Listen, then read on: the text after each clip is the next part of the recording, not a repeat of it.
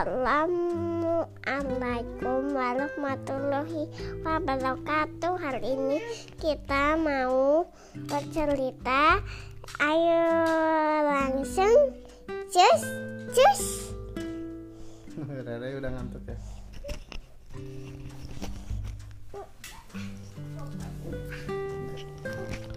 Assalamualaikum warahmatullahi wabarakatuh teman-teman.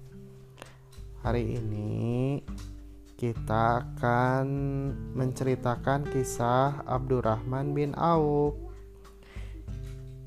Pedagang yang dermawan Penulis Yusuf Salahuddin Kalau ilustrasi oleh Novel Varius Rere sudah ngantuk, sudah nunggu dari tadi. Tadi Nabil podcast dulu ya Teh. ya.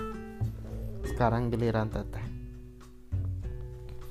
Kita mulai ya. Bismillahirrahmanirrahim. Ada seorang sahabat Rasul Shallallahu Alaihi Wasallam yang sangat gemar menginfakkan hartanya di jalan Allah. Dia adalah Abdurrahman bin Auf. Tahukah kamu, Abdurrahman bin Auf merupakan satu dari sepuluh sahabat Rasul yang dijamin masuk surga. Beliau terkenal dengan kekayaan dan sifat dermawannya yang luar biasa.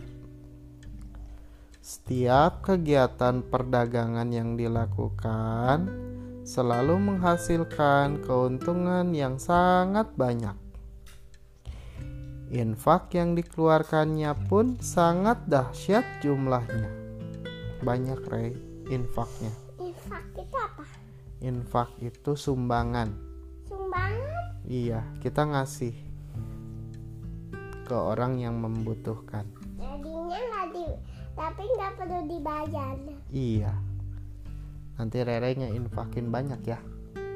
Nggak mau Ah, kenapa sayang? Lagi mama Nggak mau Ini boleh diteruskan. Abdurrahman bin Auf termasuk dalam salah satu sahabat yang masuk Islam sebelum ada pertemuan di Darul Alqom. Penampulan itu apa? Pertemuan. Pertemuan itu Pertemuan itu kayak Rere ketemu sama Umay di silat. At- Pertemuan. Teman-teman, ayo kita adain pertemuan. Berarti semuanya pada kumpul bertemu. Ber- berkumpul? Iya, mungkin mau membahas sesuatu. Misalkan, "Ah, teman-teman, besok kita renang ya. Ayo, kayak gitu. Boleh diteruskan ini. Iya Dia juga adalah salah satu sahabat yang mengikuti perang Badar yang memiliki banyak keutamaan. Rasulullah Shallallahu Alaihi Wasallam pernah menyampaikan bagi para pahlawan Badar Pahlawan badan itu apa? yang ikut berperang di perang Badar. Apa? Lakukanlah apa yang kalian mau. Allah benar-benar telah mengampuni kalian. Hadis Bukhari Muslim. Ketika Rasulullah Shallallahu Alaihi Wasallam dan para sahabatnya diizinkan oleh Allah untuk hijrah ke Madinah, Abdurrahman bin Auf termasuk dalam orang-orang pertama yang berangkat hijrah pada saat itu. ini hantu. ini juga hantu.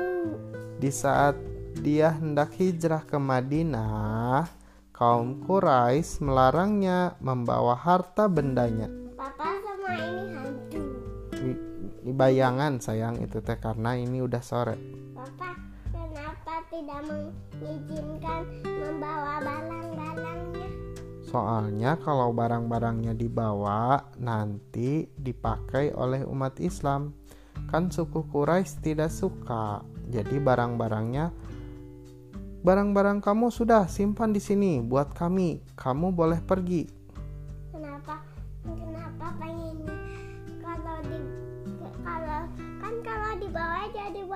Umat Islam ya tuh. Tapi kenapa nggak mau kan sama pengennya buat kami aja buat dia aja. Suku Quraisy. Iya so, karena suku Quraisynya mengancam gitu. Apa? kalau kamu oh, pergi harta bendamu disimpan di sini. Kenapa disimpan? Iya ditahan sama suku Quraisy. Ditahan iya barang-barangnya diambil. Kenapa ditahan sama su- suku Quraisy karena suku Quraisy tidak tidak suka agama Islam. Eh, soalnya dulu suku Quraisynya menyembah berhala. Apa? Dulu mah diajarinya menyembah berhala sama ayah ibunya. Iya, soalnya belum ada yang mengajarkan. Ketika ada Nabi Muhammad mengajarkan, tapi suku Quraisynya nggak mau. Boleh diteruskan ini?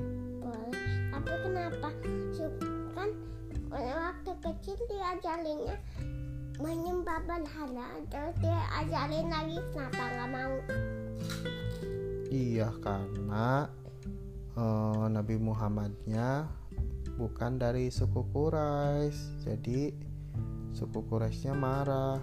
Eh, gitu nggak mah? Wah, mamanya udah bobo. Iya kayak gitu, pokoknya beda.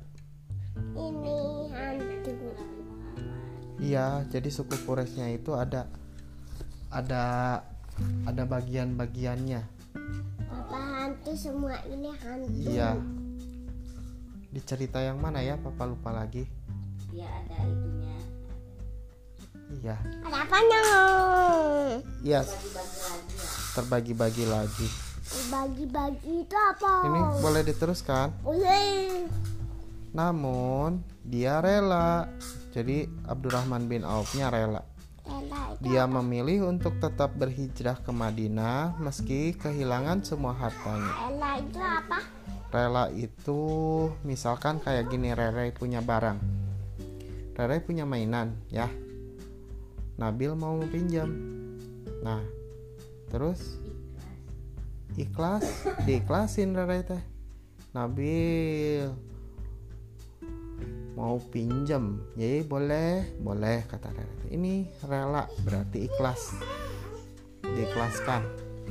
Boleh diteruskan. iya Sesampainya di Madinah, beliau dipersaudarakan dengan Sa'ad bin Abi al-Ashari oleh Rasulullah. Jadi diajakin berteman sama Sa'ad bin Rabi al-Ashari. kenapa diajakinnya sama dia Iya, soalnya biar izin biar bisa berteman baik.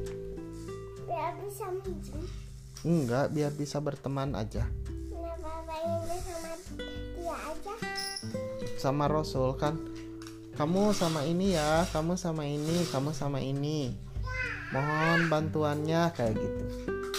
Kayak Rere sama Uma ya kayak gitu. Sama Akila. Sama Akila ya gitu. Kalau aja. Iya banyak kan ini boleh diteruskan? Iya boleh. Ketika saat menawarkan separuh harta miliknya mana ini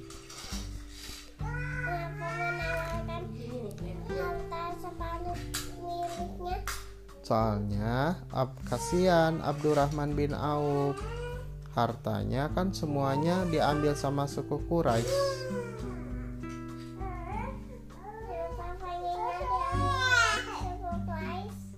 Iya kan kayak yang tadi teh ya Untuk berangkat ke Madinah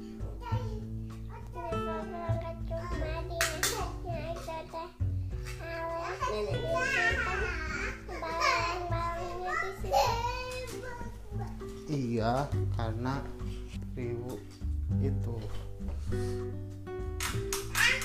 Suku Quraisynya. Kan tadi papa udah dijelasin. Kenapa ya lupa lagi? Barusan papa bilang yang pas cerita di sini.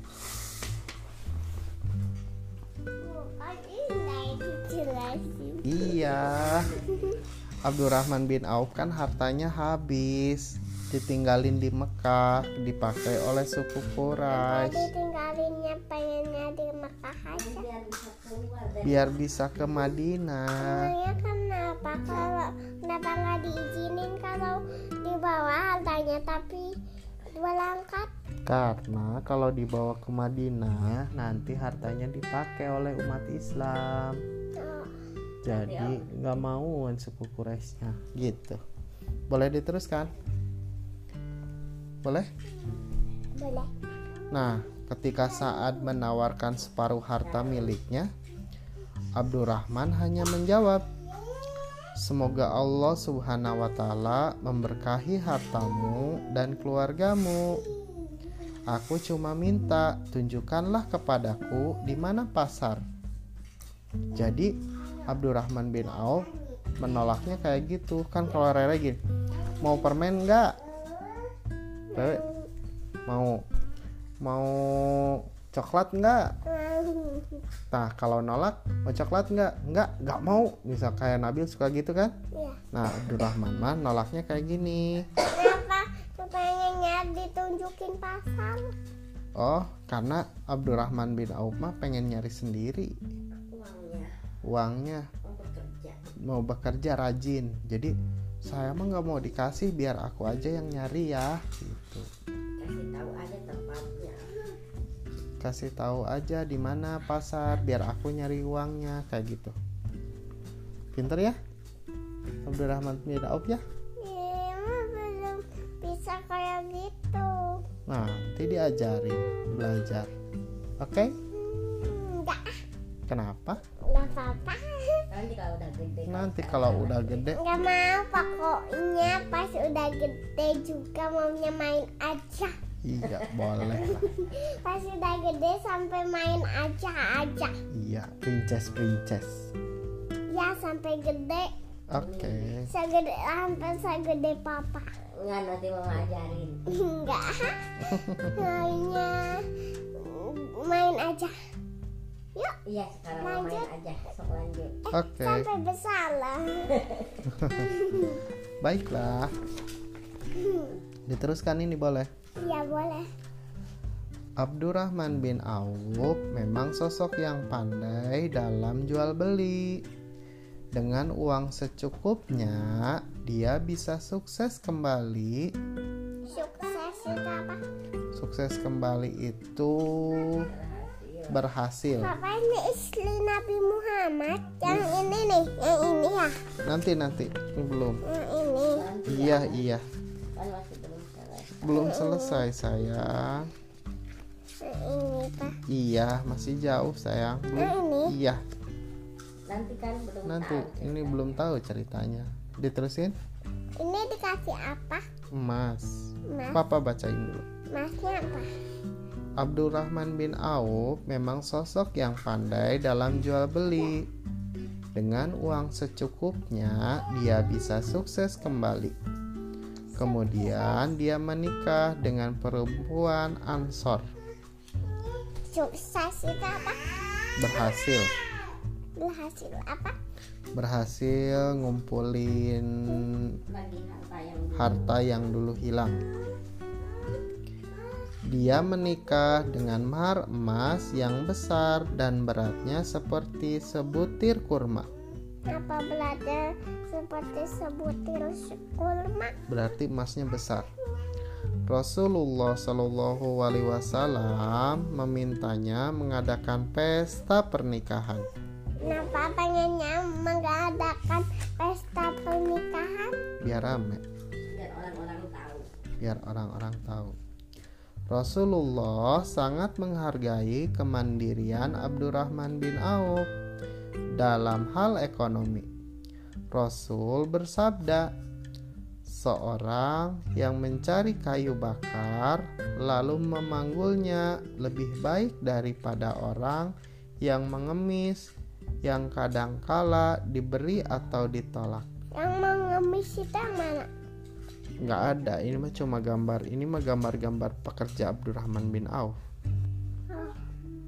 Sabda Nabi membuat seluruh muslim yang ada di Madinah sangat semangat untuk bekerja. Kenapa jadi sangat semangat bekerja?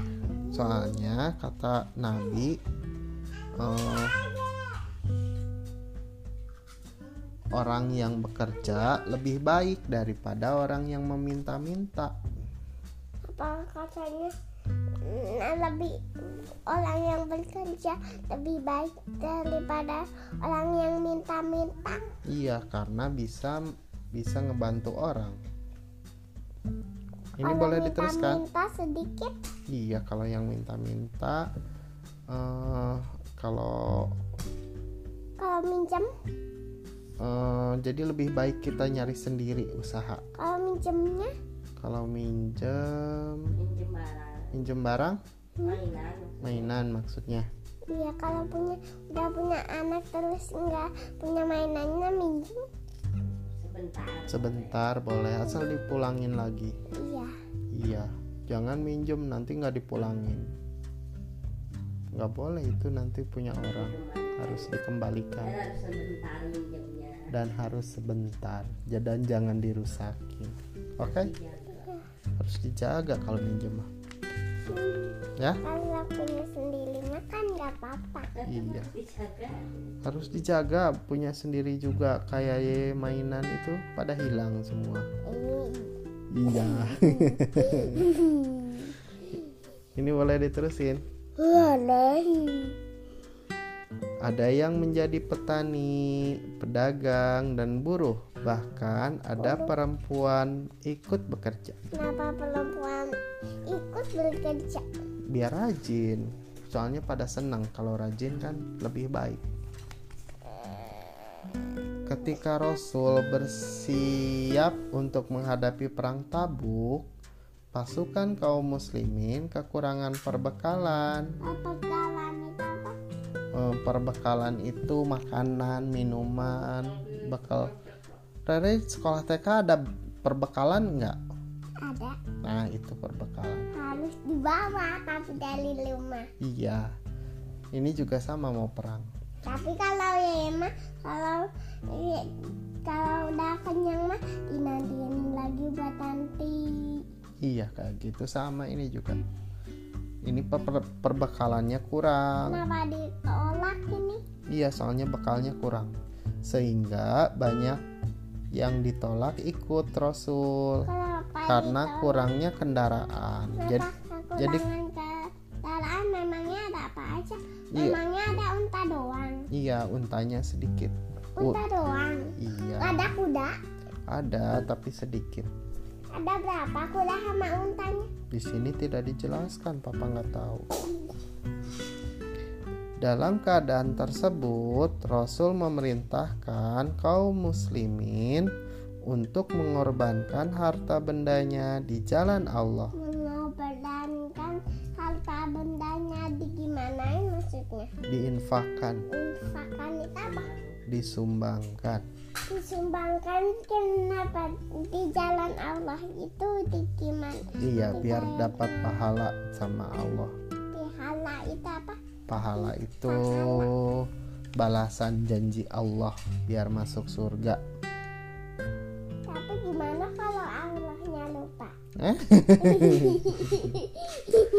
ah, enggak Allah enggak, enggak akan lupa. Boleh diteruskan saya. bisa lupa Ya kan manusia yang lupa sama Manusia yang lupa mah. Nabi juga bisa lah Boleh diteruskan ini. boleh hmm. Abdurrahman bin Auf sekali lagi menjadi pelopor dalam menginfakkan hartanya.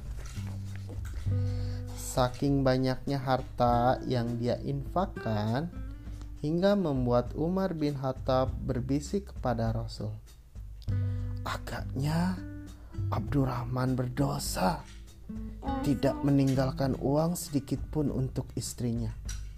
berdosa itu apa Bersalah kenapa bersalah? Soalnya hartanya semua diberikan, diinfakkan, ini isinya apa? Nggak ada. Ini emas dan sebagainya. kenapa banyak banget kenapa gendut banget kenapa besar banget? Iya, soalnya Abdurrahman bin Auf kan pinter mencari ini rezeki. Berdagang. Diterusin boleh? Rasulullah bertanya kepada Abdurrahman, "Adakah engkau tinggalkan harta untuk istrimu?"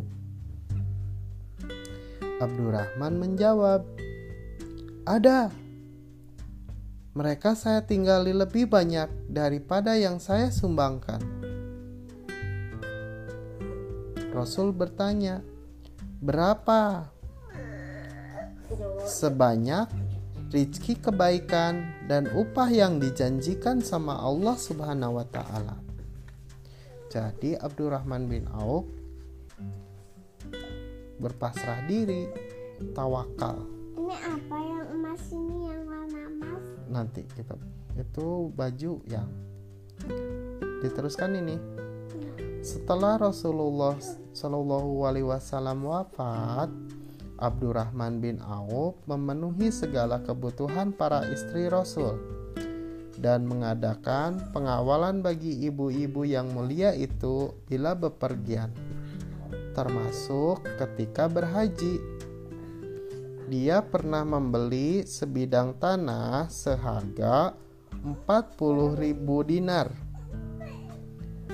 Lalu tanah itu dibagikan ke seluruhnya kepada fakir miskin, Bani Juhroh dan kepada para um, ummahatul mukminin atau istri Rasul. Abdurrahman bin Auf merasa belum bisa menjadi mukmin yang baik dibandingkan dengan sahabat lain. Dia amat banyak mengingat kehidupan akhirat. Suatu hari, Abdurrahman bin Auf diberi makan.